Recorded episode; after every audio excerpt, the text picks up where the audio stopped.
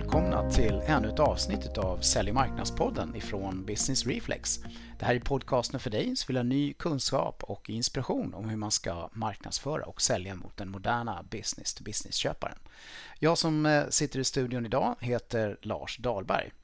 I det här avsnittet av Sälj och marknadspodden så gör vi en intervju med Henrik Larsson Broman som presenterar den senaste undersökningen The Future State of Sales som beskriver de senaste trenderna inom sälj och marknad. Undersökningen var en av huvudnumren på The Sales Conference som gick av stapeln den 18 november här nu 2021. Så personligen tycker jag att den här undersökningen kommer med perfekt timing. Eh, det är många saker som har hänt under pandemin som sälj och marknad måste anpassa sig i linje med. Undersökningen ger verkligen bra underlag för att eh, man nu ska kunna fatta beslut om vilken strategi som krävs för hur sälj och marknad inom B2B måste förändra sig och hänga med för att kunna öka sin eh, effektivitet. Det nya området Remote eller Virtual Selling är ett sådant exempel eh, på en rakettrend som ni inte får missa. Nu över till intervjun med Henrik Larsson Broman. Hej och välkommen till Sälj och marknadspodden. Henrik Larsson Broman. Väldigt roligt att ha dig med i podden. Stort tack Lars! Eh, superkul att vara med igen. Jag har varit med en gång tidigare här men det var ett tag sedan nu. Men eh, superroligt verkligen. Ja precis, då hade vi väldigt kul och spelade in ett avsnitt om eh, boken Supertrenderna. Just det. det. Det var ett tag sedan nu. Det var tre år sedan som vi gav ut den tror jag. Du är ju ett eh, ganska känt namn i eh, svensk B2B, sälj och marknad, Henrik. Men jag tror ändå att du ska få presentera dig lite grann för lyssnarna så att alla är med på vem du är innan vi ger oss in på dagens ämne. Det kan jag göra. Ehm, jag har som sagt eh, ägnat större delen av mitt yrkesliv till att dels forska om vad som utmärker världens bästa säljorganisationer. Men jag har också ägnat lika lång tid i 20 års tid att analysera trender och dess betydelse för just eh, hur vi kan komma att göra affärer på sikt, det vill säga framtidens sälj och marknadsorganisationer. Eh, först var jag på ett bolag som heter Kairos Future som håller på med omvärldsanalys, strategiutveckling. Eh, sen 2007 så startade jag ett bolag som heter Process Institute och som, som hade ett enda mål, en målsättning egentligen och det var att ge ledare fakta om hur man skapar framgångsrika säljorganisationer.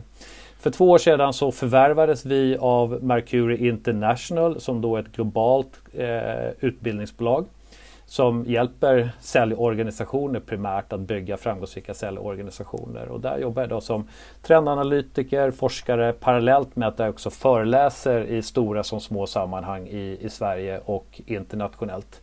Eh, och nu senast var det på The Sales Conference här den 18 november, en konferens som vi har arrangerat i 13 års tid. Eh, och där vi samlar ledare från, ja, i, just, just, nu är det faktiskt från, från alla delar av världen. Eh, så att, eh, det var kortfattat vad jag pysslar med nu för tiden. Ja, superspännande. Det har varit en spännande utveckling med The Sales Conference som jag har följt i många år. Mm. Där ni gick ifrån ett fysiskt event till att bli ett helt digitalt event och i år nu blev ett hybrid-event. Precis, stämmer. Tror jag är en, en väg som många kommer behöva gå. Att vänja sig vid att jobba med de här hybrida eventen. Så att, eh, verkligen mm. spännande. Bra mm. jobbat. Mm. Eh, härligt, bra, bra leverans. Och på eh, The Sales Conference här nu som gick ju den eh, 18 november mm. så presenterade du resultatet av den senaste undersökningen The Future State of Sales som ju är huvudtemat för eh, det här poddavsnittet. Så det är så väldigt kul att eh, du vill vara med här, ställa mm. upp och delge Eh, en hel del av de slutsatserna som finns med i den här mycket intressanta undersökningen som jag själv verkligen känner är huvudet på spiken. Så att jag har gått och längtat efter det här avsnittet, Henrik. Så det... ja, härligt. Men jag tänker ändå lite grann sådär. Eh, ni har ju inte undersökningar hela tiden. Varför kom den här undersökningen till nu? Eh. The Future State of Sales. Ja, men jag har hållit på med regelrätta trendanalyser om framtidens försäljning i snart 20 års tid. Sammanställt hundratals trender. Varav 50 presenteras då den här supertrenderna som vi pratade om sista gången. Eh, men, eh, och, och, alla de här trenderna bygger på mängder av research, datainsamling. Eh, det har vi samlat en herrans massa liksom, information om rörelser i våra samhällen. Eh, men vi har aldrig gjort någon större studie på vilka av de här trenderna som är mest relevanta för kommersiella beslutsfattare. Vi använder det här materialet i massa olika typer av övningar och workshops där man jobbar med att prioritera olika typer av trender men aldrig någon större kvantitativ studie. Så det vill vi ta reda på nu, det vill säga vilka av alla de här trenderna vi har är mest kritiska för chefer som har ett kommersiellt ansvar. Eh, och vi kände att det var dags att göra det nu för att få en, få en bild av vad det är egentligen man prioriterar, vilka utmaningar står man inför, var tror man att framgången ligger i på sikt? Och genom att ställa de här typerna av frågorna så kan vi också få data och kunskap om vad eh, sälj och marknadsorganisationer gör nu för tiden. Eh, också få en bild av vad de kommer att prioritera de kommande åren. Eh, så att eh, det är vad vi konkret har gjort eh, mm. i, i den här undersökningen. Jag måste ju verkligen säga att för i min, min värld var det ju väldigt bra timing. Eh, mm. nu har, vet jag att du har väldigt bra känsla för det. Men eh, verkligen bra timing med tanke på att det händer så många olika saker. Det har ju hänt så otroligt mycket i B2B, sälj och marknad på senare tid. Men det har ju också kommit till några saker nu ganska nyligen mm. som till, till viss mån kanske handlar om den här pandemin och så, men som verkligen har gjort att nu gäller det att vara med. Yes. och gäller att förstå verkligen. sitt nuläge och mm. kunna fatta viktiga beslut framåt, hur man ska utveckla sin, eh, sin sälj och marknad eh, och sin eh, affärsgenerering framåt. Mm. Så mm. att verkligen bra timing mm. kände jag. Ja. Kan du berätta lite mer om hur det har gjorts? Du touchar ju lite på det kvalitativt mm. och så. Men eh, det kanske är många som är nyfikna på om du kan säga någonting mer om det. Mm. Ja, men det, det, vi gjorde då det var att vi utgick från alla de trender vi har spanat och, och samlat på oss under de här åren. Så valde vi ut runt 30 som vi ansåg det här är de mest relevanta att ställa frågor kring.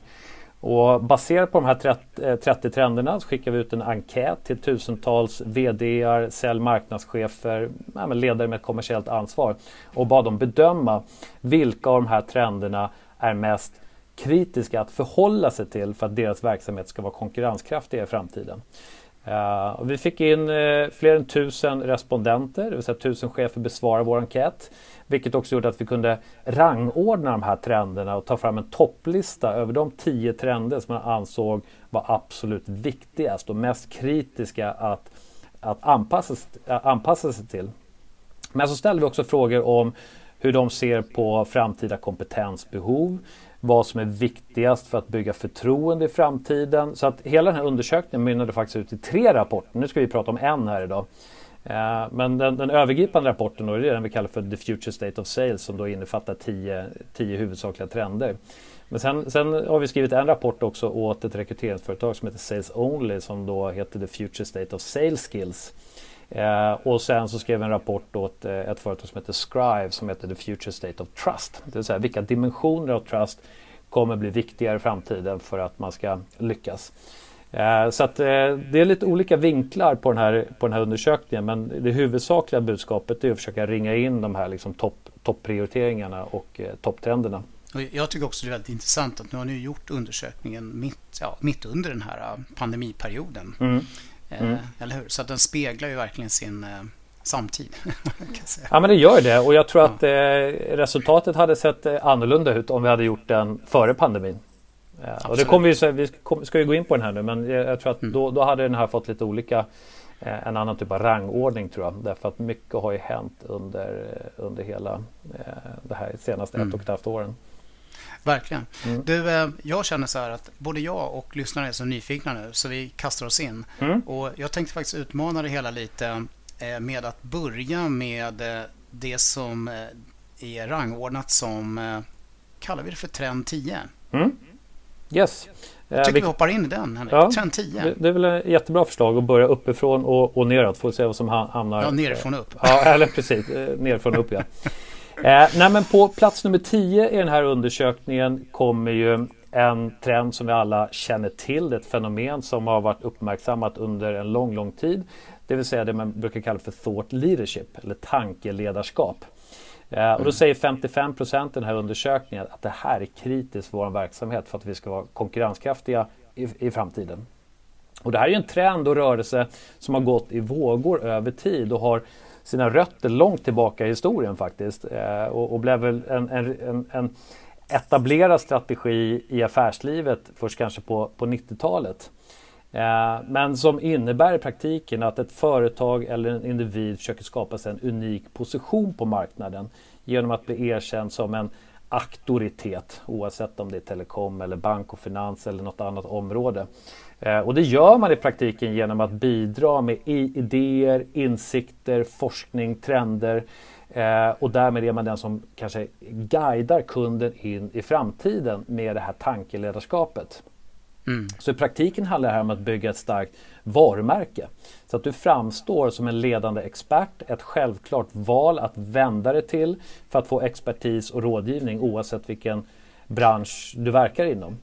Eh, och det här, alltså drivkraften bakom den här är ju såklart då hårdare konkurrens, blir allt svårare att sticka ut i bruset eh, och att kunderna då upplever knappt någon skillnad mellan olika typer av produkter och leverantörer. Så ska jag välja SCB eller Länsförsäkring eller Tele2 eller Telia eller Manpower eller Poolia. Det är väldigt, väldigt små skillnader. Och då börjar man sticka ut med någon, någon form av mjuka värden och det är där eh, Thought Leadership kommer in.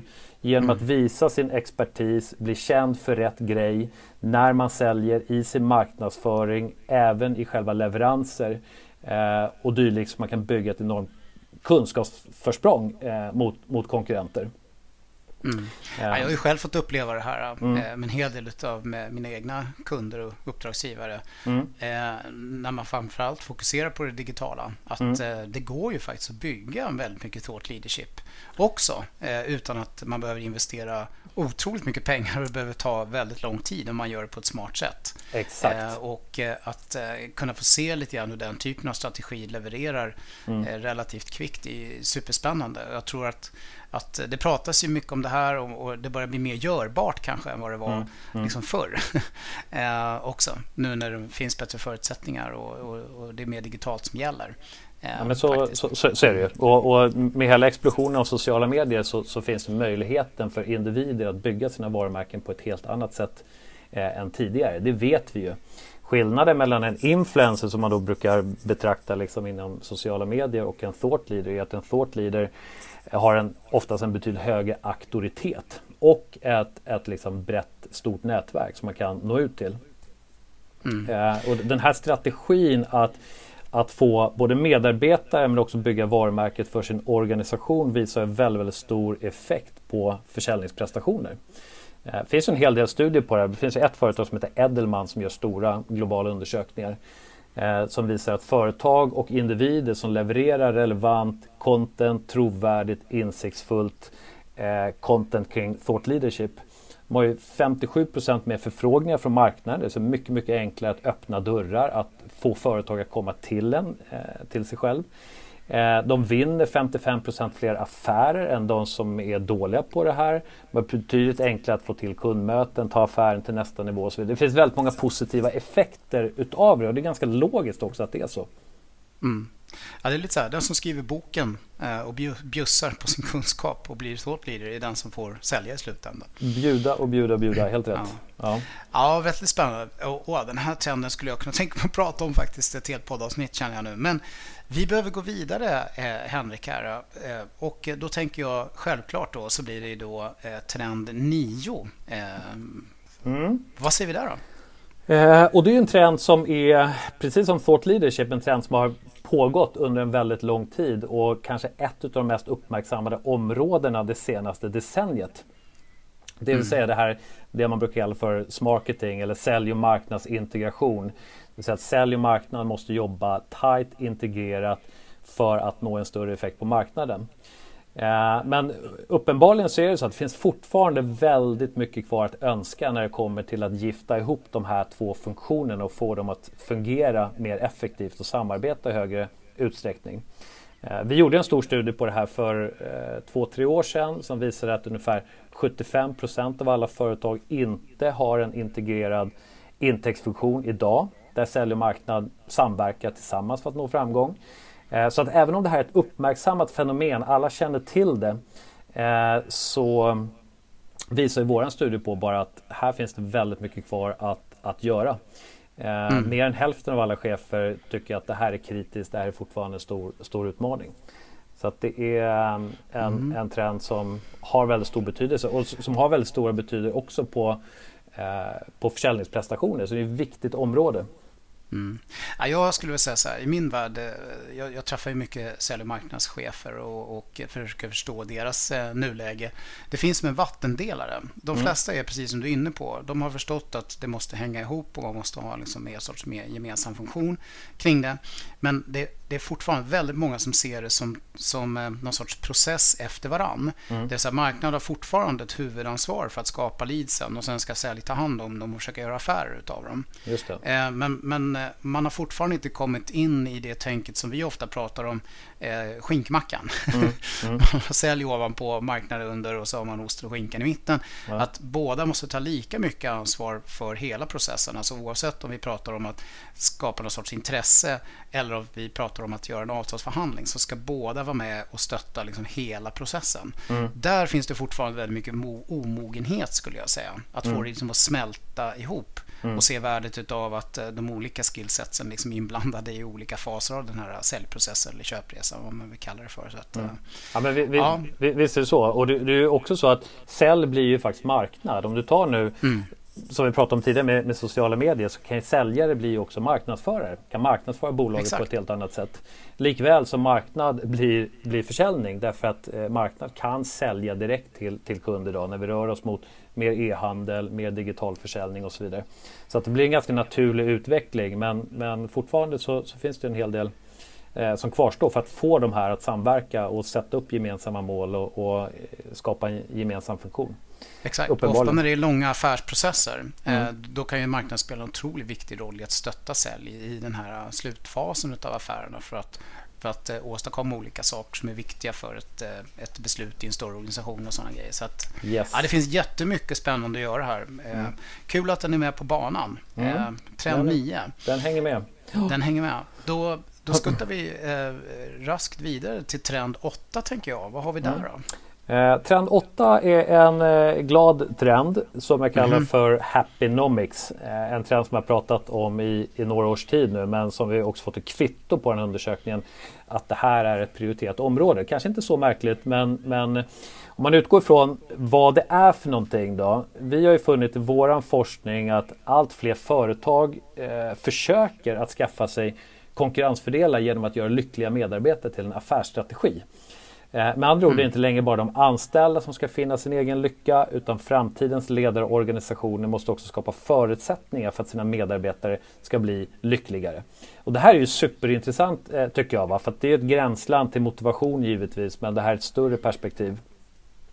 Eh, och vi vet ju att det blir allt svårare att skapa sig någon form av unikitet på marknaden. Det är därför thought leadership växer sig starkare. Det är därför också den här trenden växer sig starkare. Vi vet att det är svårt att attrahera talanger. Vi vet att alla företag strävar efter framgång. Så den här strategin Happynomics syftar ju till det här. Eh, och därför har också många företag börjat mäta graden av lycka på arbetsplatsen. Inte fullt ut i, i Sverige, det finns mycket kvar där, men i USA är det här väldigt hett. Eh, här finns det många leverantörer som hjälper till med att mäta också lycka på arbetsplatsen. Till exempel eh, Careerbliss och eh, Comparably.com.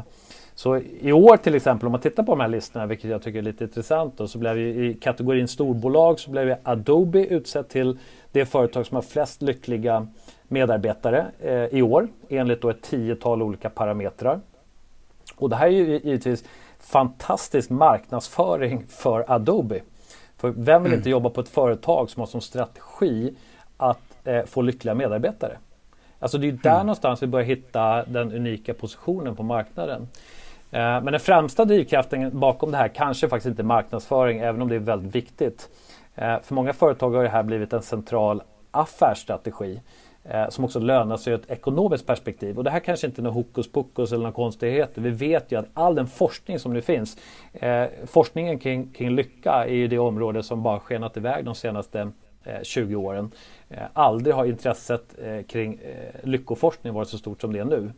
Eh, och då vet man ju nu med all den här forskningen att företag med lyckliga medarbetare de presterar 37% högre försäljning, de har 43% högre produktivitet, de har 33% högre vinst, 300% högre innovationsgrad etc. etc. Det finns många eh, positiva effekter av att ha lyckliga medarbetare. Så det är ju inte bara en fråga om att sticka ut och skapa sig någon form av unik position utan en konkret koppling också till prestation.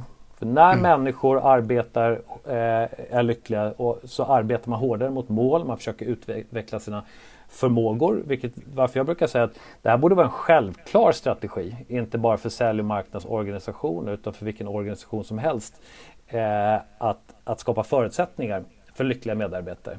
Och här finns det då så mycket forskning och bra tips och konkreta exempel på vad man faktiskt kan göra för att få lyckliga medarbetare. Eh, och det, mm. det, är ett, det, är ett, stort område i sig. Ja, ja det är intressant. Det är mm. väldigt spännande. Det är nästan som man sitter här och funderar varför har inte det här kommit tidigare för? Eh, men, ja, eh, men alltså så här, all, alla försöker ja. jobba på något sätt. Så här, motivation skriver väl alla mm. under på att det är viktigt att ha motiverade medarbetare. Men det är mm. få som sätter ner så här, det här är en affärsstrategi för oss. Eh, mm. Och som verkligen tittar på vad är det för aktiviteter vi egentligen kan göra för att skapa förutsättningar eh, för det här. De är försvinnande få de bolagen. Eh, trots att man vet att det är, är viktigt. Och så är det mm. ofta med, med, med, trender. Alltså många av de här trenderna kanske man känner till men man har inte lyckats sätta ner, sätta ner foten och verkligen dra nytta av dem. Spännande. Mm. Det var trend nummer åtta. Yes. Jag tror vi ger oss vidare i våran eh, eh Nummer sju. Så här. Ja, Nummer sju. Vi gör det. Vi, Social, vi... So, jag säger vilken det ja, är jag säger det. Spoilar det lite grann. Ja. Social responsibility. Den, eh, den är en annan. Lite mm. på liknande tema som Happynomics kanske. Mm. Eh, socialt ansvarstagande är en trend som också gått i vågor under en lång tid. Vi tittar ju på sådana här långa, långa förändringar och, eh, och eh, trender som pågår. Det här, den här är ju inte, den här är inte nått sin peak ännu. Eh, men det är en trend som har fullständigt exploderat, blivit en våg som vi inte kan ducka för. Speciellt när det kommer till miljöaspekten, det här känner vi alla till. Eh, och att vi alla måste bidra till att minska koldioxidutsläppen. Men socialt ansvarstagande handlar ju inte bara om miljö. Det handlar också om att man som företag måste agera på ett sätt som gynnar samhället och att man bidrar till att lösa många av de samhällsproblem som, som staten eller ideella organisationer inte har lyckats med. Så det, det handlar alltså om att, att eh, utgå från ett ekonomiskt, socialt och miljömässigt ansvarstagande. Och det här är på samma sätt här är inte här en fråga längre för högsta ledningen. Det här, vår undersökning pekar på att det här är en fråga för, för säljorganisationer. Det vill säga vi måste baka in det här i vår säljstrategi. Det är ett sätt att vinna affärer. Annars kommer mm. vi bli obsoleta. Eh, så vi måste alltså kunna argumentera för det här. Vi måste kunna visa på fakta. Vi måste kunna lyfta in frågor i vår säljstrategi, i vårt sälj och marknadsarbete. Därför att kunderna ställer allt högre krav på sina leverantörer idag. Att, eh, att vi som leverantör måste bidra till deras hållbarhetsmål. Mm. Så det förklarar varför 60% i vår undersökning eh, säger att de måste bli bättre på det här. Eh, och eh, inte minst den fråga som, som eh, kittlar mest här för våra respondenter det är att hitta ett högre syfte bortom vinst, intäkter och avkastning till sina aktieägare. Och för en säljorganisation är det här jag skulle säga, en, en svår utmaning därför att sälj har alltid handlat om sälj. Det har alltid handlat om att dra in intäkter. Och då sätta ett överordnat mål på det där någonting annat faktiskt är viktigare. Det, det är inte alltid Eh, självklart. Men här tycker mm. jag det finns massa bra eh, exempel. Jag brukar ju lyfta fram Salesforce i, i, i mina föreläsningar. Mm. Eh, som du eh, säkerligen känner till vad, vad de gör de för någonting. Känner, ja, um, känner till Salesforce väldigt väl. Men utan ja. det social responsibility-ansvar har jag inte 100% ja, Man kanske inte får fram det budskapet eh, fullt ut. Men de har till och med gett ut böcker det här. Liksom deras grundare Mark Benioff som eh, bara älskar det här citatet när han säger att The business of business is improving the state of the world. Alltså det finns alltså ett överordnat mål där deras framgång inte bara ska gynna anställda och aktieägare. ska gynna samhället i stort och smått. Så att, att det här att göra gott för världen och bedriva business eh, är alltså ingen motsättning och det är det som jag tycker är så pass eh, intressant. Men Salesforce är ju ett, jag tror att det är till och med världens snabbast växande företag. Omsätter, jag vet inte om det är 70 miljarder eller någonting idag. Eh, men som verkligen har kombinerat det här liksom affär, generera intäkter men också bidra till någonting eh, gott i världen. Eh, och där alla mm. medarbetare också ska bidra till det. De ska avsätta visst antal timmar och resurser, pengar och så vidare för att förbättra samhällen på lite olika, olika områden. Så ja, det där är superviktigt. Jag hade faktiskt väldigt spännande möte för någon vecka sedan med en byrå som specialiserar sig på det här. Mm. Just att, att skapa den här typen av budskap och kampanjer. Och de berättade faktiskt om några exempel som var superintressanta. Hur det här verkligen har levererat, verkligen fungerat mm. för ett par av deras uppdragsgivare. Så att, mm. Den kom på nummer sju. Yes. Jag, jag, tänker mig att vi eh, klättrar vidare här nu. Mm. Det blir mer och mer spännande för varje steg känner jag. Vad, vad kommer allra högst upp i ja. denna trendtrappa, vi kallar det för. Ja. Det är som en adventskalender nästan. Ehm, nummer sex då? Henrik, vad har vi där? Kampen om talangerna, The Fight for Talent. Eh, ja. Plats nummer sex. Eh, i, I vår undersökning så visar det att sex av tio chefer säger att det är avgörande för deras framtida framgång att hitta, attrahera och rekrytera de bästa talangerna. Eh, och det kan man tycka kanske är ganska självklart därför att vi vet att det är människor som skapar företag och bygger företag. Det är alltså de som utgör unikiteten i en organisation egentligen. Allt annat kan man kopiera men du kan inte kopiera människor i en organisation. Eh, så det kan ju tyckas lite självklart men faktum är att det här är en fråga som har blivit allt svårare under det eh, senaste decenniet. Eh, det finns en del studier på. Manpower har ju bland annat då eh, gett ut en undersökning i, eh, i över tio års tid som visar på att idag så säger 69 procent av alla företag globalt att de har svårt att hitta talanger. Och det här är en ökning med 130 procent sedan 2000, 2010 då siffran var 31 procent.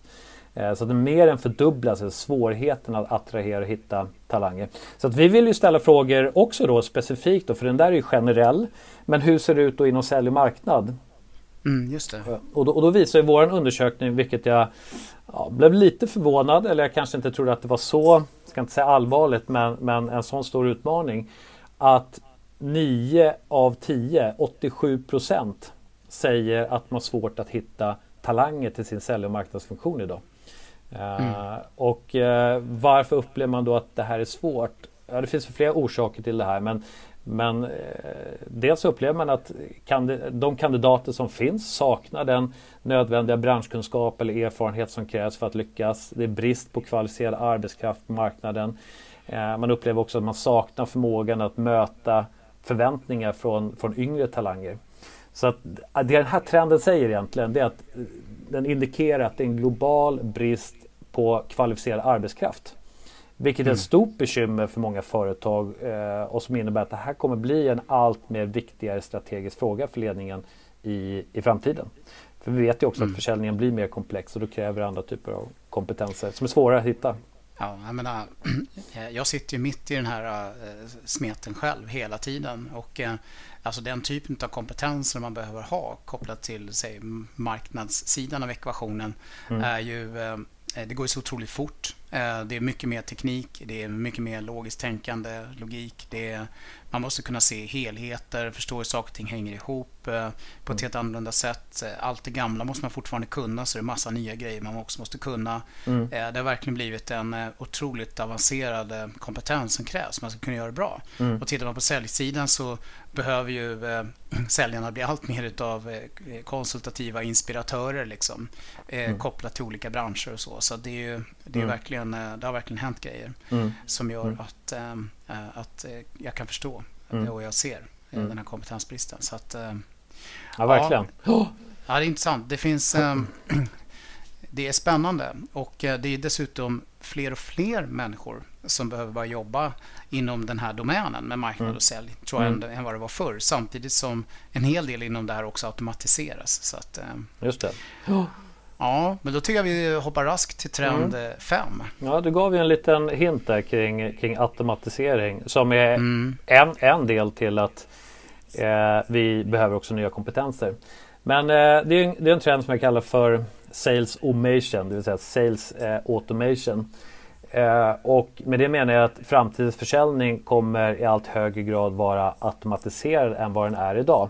Eh, och det vet vi också att det har vi pratat om under lång tid. 2015 tror jag kom ut siffror på att 70% av alla säljare skulle eh, försvinna och allt möjligt. Men, men det här innebär inte nödvändigtvis att tekniken kommer att ersätta säljare. Det vi sett nu är att det snarare kompletterar säljare så att säljare kan fokusera mindre på administration och tråkigt arbete eh, och mer på försäljning istället. Eh, och den här är ju avgörande för 60 procent eh, av respondenterna i vår undersökning. Nu kan man fråga varför är den då så pass viktig? Jo, så länge som vi lever i, på en konkurrensutsatt marknad så kommer alla företag söka efter att hitta smarta sätt att öka produktiviteten. Och det är här alla AI-baserade och högteknologiska verktyg kommer in. Och idag finns det en uppsjö av olika typer av verktyg att eh, välja mellan. Alla de här passar inte för alla företag så här behöver man vara lite försiktig, testa fram, göra grundlig research. Eh, du som då är expert på, eh, på digital marknadsföring Lars, så vet du att hela den här Martech-kartan med, ja, om det nu är 8-9 mm. tusen olika typer av verktyg. Bryter man ut säljverktyg från den eh, så är vi uppe på 11 000, 1100 digitala verktyg som finns nu på marknaden tillgänglig med syfte att öka säljproduktiviteten. Mm. och många av de här är AI-baserade men det här är en enorm ökning de senaste fyra åren, mer än 500 procent. Mm. Så det visar att det händer enormt eh, mycket eh, och att potentialen till förbättring är stor. Eh, jag kikade på en, en, rapport från McKinsey här för ett tag sedan som visade på att redan idag kan man automatisera ungefär 30 procent av alla försäljningsrelaterade aktiviteter genom hela säljprocessen. Och det är saker som, som spänner allt ifrån säljstrategi till leadsgenerering, prospektering, prissättning, offerthantering, orderhantering, diverse uppföljande aktiviteter och så vidare. Eh, så här finns det väldigt många spännande verktyg. Eh, och det är klart det är inte lätt att navigera den här djungeln av olika typer av verktyg. Och, och, vi kan inte ha för många verktyg heller för alla de här ska integreras med varandra och, och liknande. Så det gäller att vara lite försiktig här. Men det finns väldigt många eh, spännande verktyg som jag också brukar ta upp när jag är ute och, och, och snackar som exempel på vad tekniken kan göra för oss. Mm. Ja, jag, jag skulle säga så här, det, det, är ju verkligen som du säger och ehm, eh, det tar ju tid att eh, eh, se till att de här verktygen verkligen gör nytta. Men mm. när man får dem att göra nytta så blir det en väldigt, eh, väldigt häftig, häftig nytta. Mm. Men det som också kräver ju tid är ju analys av data. Mm. Eh, och baserat på data sen ja, förbättra processen helt enkelt. Mm. Förbättra eh, mm. den här affärsgenereringsprocessen. Mm. Och, och eh, dataanalys behöver man ju också verktyg för men det tar också tid. Eh, och kräver ju liksom, eh, ja, och sen ska saker och ting förändras och implementeras liksom på ett nytt sätt som också tar tid. Så att, så det, det är så, eh, precis som du säger. Och, eh, ja, det finns så många spännande områden här där det händer saker och ting eh, inom som är ganska otippat. Mm. faktiskt tycker jag är ett spännande område som var med på The Sales Conference som är rätt nytt. Det här med sån här virtual sales platforms och virtual sales rooms och sådana mm. grejer. Mm. Som är en vidareutveckling av Microsoft Teams och Zoom och, mm. och sånt. Och hur mycket det kan automatisera och effektivisera och mm. skapa data och sånt där. Det är mm. som ett område som man liksom jag alltid har tittat på egentligen inom, ja, ja, inom ja. det här med B2B-sälj. Ja, du, ja. du, du, du nämner någonting väldigt eh, intressant där. Just det här liksom med, med, med datainsamling. Alltså med, med, med verktyg så kan vi också samla väldigt stora mängder data som vi kan använda för att utveckla oss hela tiden. Uh, vi kanske kommer in på ditt exempel uh, senare här, men ta, ta ett exempel som uh, Jag vet inte om du känner till det här verktyget Chorus. Chorus.ai, har du hört talas om det?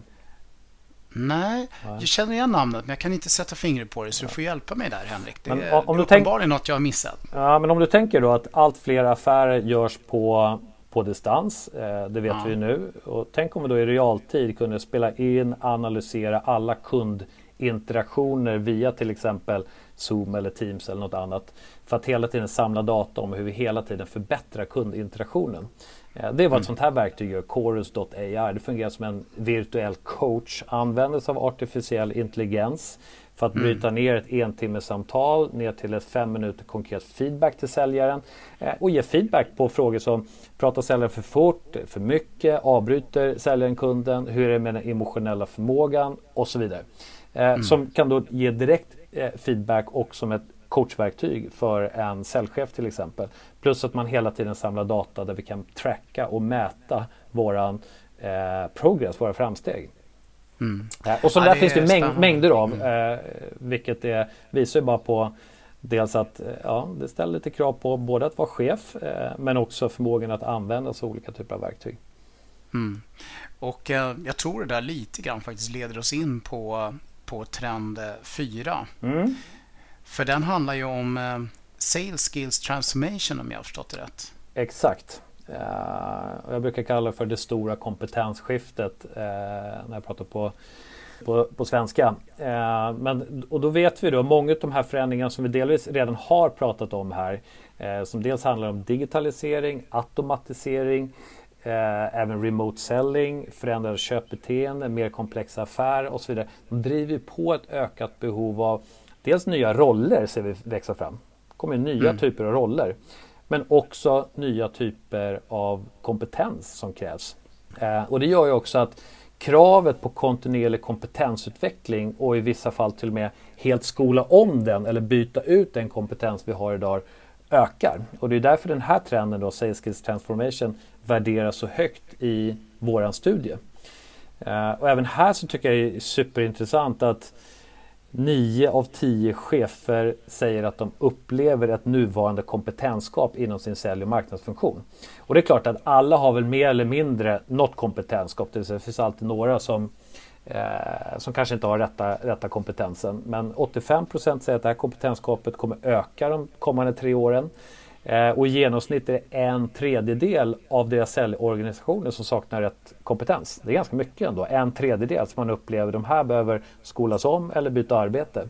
Eh, så det här, det här talar för att många företag kommer bli tvungna att investera mer i kompetensutveckling för att möta de här förändringarna. Och vi har redan sett den här vågen komma. För redan innan pandemin, och nu har det aktualiserats ännu mer, men redan innan pandemin så lanserade ju mängder med stora företag ambitiösa kompetensprojekt just för att förbereda sig inför framtiden.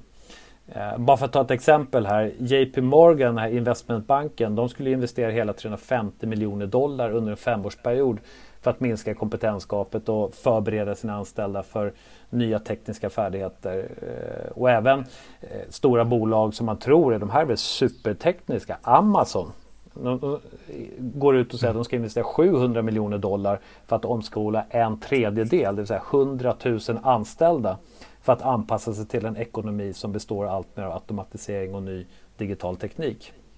Och den som kanske var värst ut här, bara för att avsluta, det var ju faktiskt revisionsbyrån PricewaterhouseCoopers som eh, i oktober 2019 eh, gick ut och sa att de skulle investera 3 miljarder dollar för att kompetensutveckla alla sina 257 000 medarbetare. Det är ingenting man gör om man inte har, ser en, en väldigt, väldigt stor utmaning. Eh, mm. Vissa branscher blir väldigt, väldigt påverkade av den digitala utvecklingen. Mm. Nej, men det, det, är min känsla också så att, att du måste också bygga in det här med, med eh, skills transformation och kompetensutveckling i ditt vardagliga arbete hela tiden. Mm. Mm. Eh, och Det är därför det blir också så här stora investeringar för att det mm. behöver göras lite grann hela tiden mm. eh, för att man ska hänga med. Mm. Verkligen. Ja, Spännande. Du, nu är vi uppe på prispallen. Ja, nu är vi på... tänker jag, bronsplats. Plats nummer tre. Ja. Vad har vi för trend där då? Då har vi ju en trend som definitivt inte hade varit på den här. Jag tror inte den hade varit på topplistan om det inte hade varit för pandemin. Det vill säga Nej. det man brukar kalla för eh, remote selling eller hybrid selling eller eh, virtual selling. Virtual selling brukar du säga. Det mm. finns, finns må- kärt mm. barn har, har många namn. Eh, men det här är ju väldigt intressant eh, tycker jag. Eh, kanske inte anmärkningsvärt därför att vi alla har blivit tvungna att gå ut, gå över till att kommunicera, interagera och göra affärer remote med, med våra kunder. Ja, men att den här hamnar på plats tre nu, det tyder ju bara på att majoriteten av alla chefer också tror att det här kommer vara bestående. Det, vi, mm. vi, kommer fortsätta att göra affärer så här. Och jag tror att allt fler också börjar inse det nu. För att våran prognos, jag, här, vi har räknat lite på det här. Uh, jag brukar då säga att ungefär 80-85% av alla kundinteraktioner efter pandemin kommer att ske remote. Alla mänskliga interaktioner ska jag tillägga. Mm. Uh, och det beror helt enkelt på att uh, vi människor har under den här korta perioden förändrat våra vanor, beteenden och förväntningar. Att vi tycker att det här är det nya normala nu. Därför att det sparar tid eh, och det underlättar planering och en herrans massa olika saker. Och det är inte så att vi inte kommer träffas fysiskt men vi kommer bli väldigt, väldigt selektiva i när vi väl träffas. Mm. Eh, då, då, det är mer möten som kräver kreativitet, vi måste verkligen lära känna varandra och, och så vidare. Uh, och våran studie pekar också på att många upplever att det här är svårt. det här är liksom 57 procent säger att det har blivit betydligt svårare att göra affärer när vi nu gått över mer till remote. Mm. Samtidigt så visar ju studier från eh, bland annat då LinkedIn att det är fullt möjligt att göra affärer. Det här tycker jag är bara väldigt positivt att under pandemin så har nästan hälften av alla säljare enligt en studie från LinkedIn då gjort affärer till ett värde om 5 miljoner kronor eller mer under pandemin utan att ens ha träffat en mm. kund fysiskt. Så det går ju att göra även mer komplexa affärer även om det är en del ansträngningar. Nej, och jag skulle säga att min stora upplevelse framförallt här under ja, före sommaren och nu under hösten är ju den att, att om man verkligen eh, implementerar eh, den här typen av plattformar vi lite grann pratade om eh, som man använder för att jobba med sånt här och man verkligen eh, ser till att, eh, att göra den här skills transformation på sin säljkår in i den här virtuella så att säga, mm. mötes eller virtuella säljvärlden eller remote säljvärlden. Mm. Eh, hur otroligt bra det blir. Alltså mm. det blir ju en ännu bättre upplevelse och mm. fungerar ju ännu effektivare både för säljare och för köpare mm. än vad det gör att sitta i gamla tradiga fysiska möten tänkte jag säga. Men, mm. men det, det, är, det är skithäftigt som det är med så mycket annat som har digitaliserats. Man gör det lite enkelt till att börja med och så vänjer man sig vid det. Men sen efter ett tag inser man att om man verkligen anammar och utnyttjar den digitala tekniken hur, hur otroligt Exakt. häftigt det blir. Och väldigt, och hur stora effektivitetsvinster det faktiskt finns. Ja. Eh, inte bara att man slipper resa som är kanske mm. väldigt uppenbart i det här fallet, men, mm.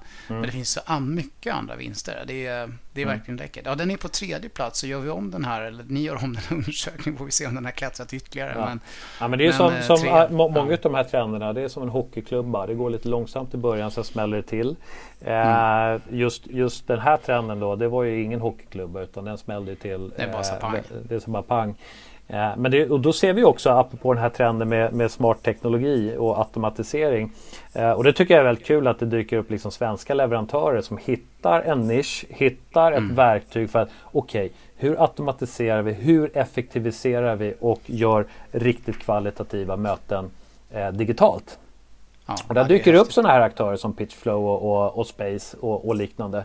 Eh, mm. Som, som eh, tycker jag gör ett föredömligt arbete liksom att okej, okay, ja. här finns det någonting vi kan utveckla. Eh, och häftigt, att, äh, häftigt att Sverige verkligen ligger långt framme utifrån ett sälj och marknadsperspektiv. I det här fallet ett väldigt mm. mycket säljperspektiv. Men det, det tycker jag är mm. jättecoolt. Just mm. de här leverantörerna du nämner här.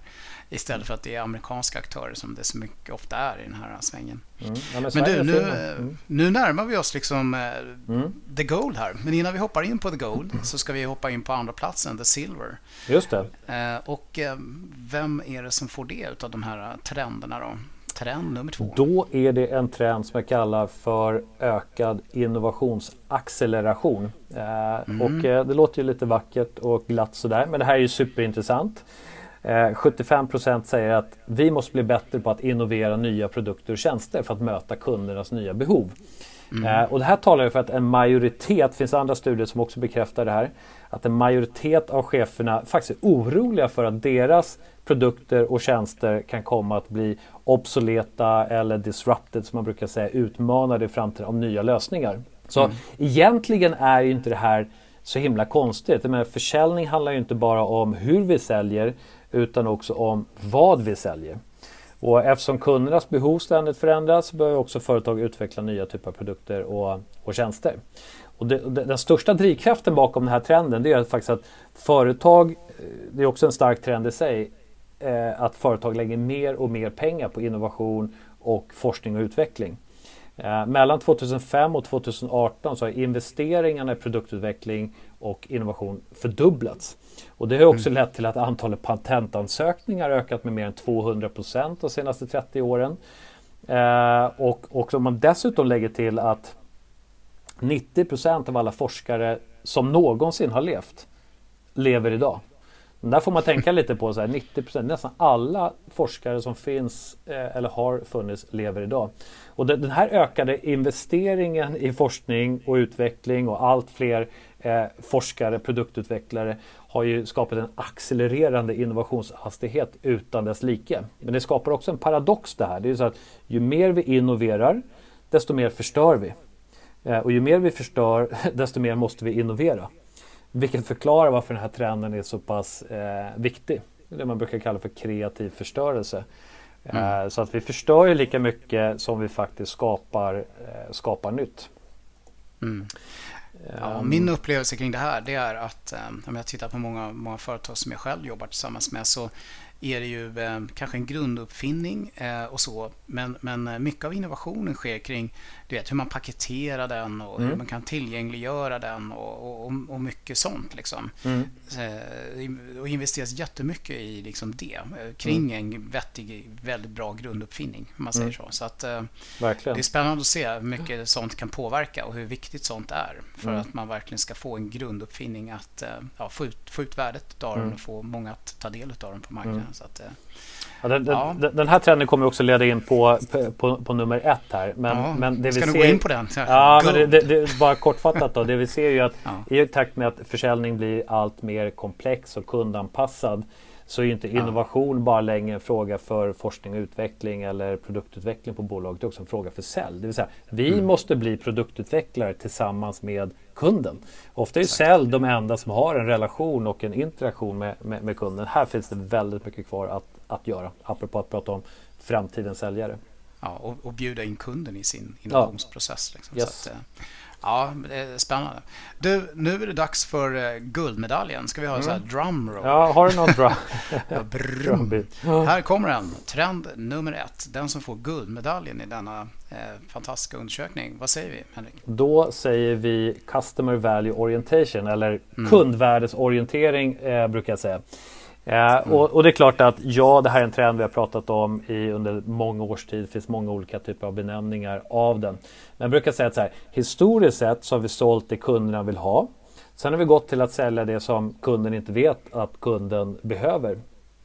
Och idag och i framtiden så kommer vi i allt högre grad sälja det som varken vi eller kunden vet att kunden kommer att behöva. Eh, och på så sätt blir försäljningen blir kom mer komplex. För om vi ska sälja det som varken vi eller kunden vet att kunden kommer att behöva, då behöver vi verkligen bli kundvärdesorienterade. Det vill säga konsultativa säljare som kan identifiera, skapa, förankra unika kundvärden som en viss kund är villig att betala för och anpassa lösningar efter det. Eh, så vi behöver alltså tänka utifrån kundens perspektiv. Vad behöver vi göra eh, vad behöver den här unika kunden göra för att bli mer framgångsrik? Vad behöver de göra för att realisera sina strategier, sina målsättningar? Eller vilka utmaningar, problem är viktigast eh, för, för den här specifika kunden och hur vi kan anpassa lösningar som hjälper dem med det här. Det är här kundvärdesorienteringen men som är så fruktansvärt svårt för många organisationer. Därför att man har felaktiga styrinstrument, felaktigt ledarskap, eh, du tar in fel typ av eh, kompetenser. Eh, så att sluta att utgå ifrån vad vi har att erbjuda och istället utgå från kundens omvärld, kundens verksamhet, kundens långsiktiga mål och strategier. Det, det är egentligen vad den här trenden handlar om. Eh, och, mm. och gör att 85 procent hävdar att det här är den mest kritiska trenden av dem alla. Det är så otroligt skönt mm. att den här äntligen har hamnat etta. ja, det, det, faktum är att den har inte, alltså vi har gjort tidigare mätningar och den har alltid ja. hamnat, hamnat eh, högt upp. Men det här mm. bevisar ju bara dels hur viktig den är men också svårighetsgraden i att, att transformera sina organisationer till att bli mer kundvärdesorienterade. Ja, ja precis. Det, det är så som, så som jag själv eh, brukar uttrycka väldigt mycket. att att eh, man måste ju prata liksom i, i kundvärde. Men man måste ju se det här mer som en, en värderesa. Det är en mm. säljprocess, det är en köpresa. Mm. Men vi måste se det som en värderesa. Vi måste leverera värde i varenda interaktion. Från mm. den första lilla digitala interaktionen tills det att de skriver på och får en leverans av den första leveransen och sen forever mm. eh, när de är kunder. Eh, och att bara säga det till en säljorganisation. Du kan inte lämna ett möte utan att du har levererat signifikant värde. Mm. Eh, då börjar man inse hur pass svårt det blir. Mm. Eller du kan inte mm. göra en eh, marknadsföringskampanj utan att den mm. levererar värde. Eh, då, då, då blir det helt plötsligt mycket svårare. Men mm. det är dit vi måste. Annars så... Och de som lyckas ta sig dit tror jag kommer kunna få väldigt stora försprång. Väldigt, stora, väldigt stor framgång. Men jag brukar också säga att det är, det är väldigt mycket en organisatorisk fråga det här också. Eh, mm. Säljare givetvis. Eh, men det är lika mycket fråga om som sagt ledarskap, eh, strukturer. Eh, om vi nu ska ge insikter, förstå kundens verksamhet bättre än vad kunden kan själv, ja då måste vi också supporta våra medarbetare i att få fram de analyserna. Mm. För det, det, kan inte säljare sitta själv och göra. Så att allt, allt det här liksom att göra den här, det är anledningen till att ja, du vet, solution selling har man ju snackat, snackat om sedan 80-talet. Mm. Men, men anledningen till att man inte lyckas det är för att man inte har lyckats ställa om organisationerna i, i högsta Nej, utsträckning. det är en värderingsfråga, mm. liksom. eh, precis som du säger. Mm.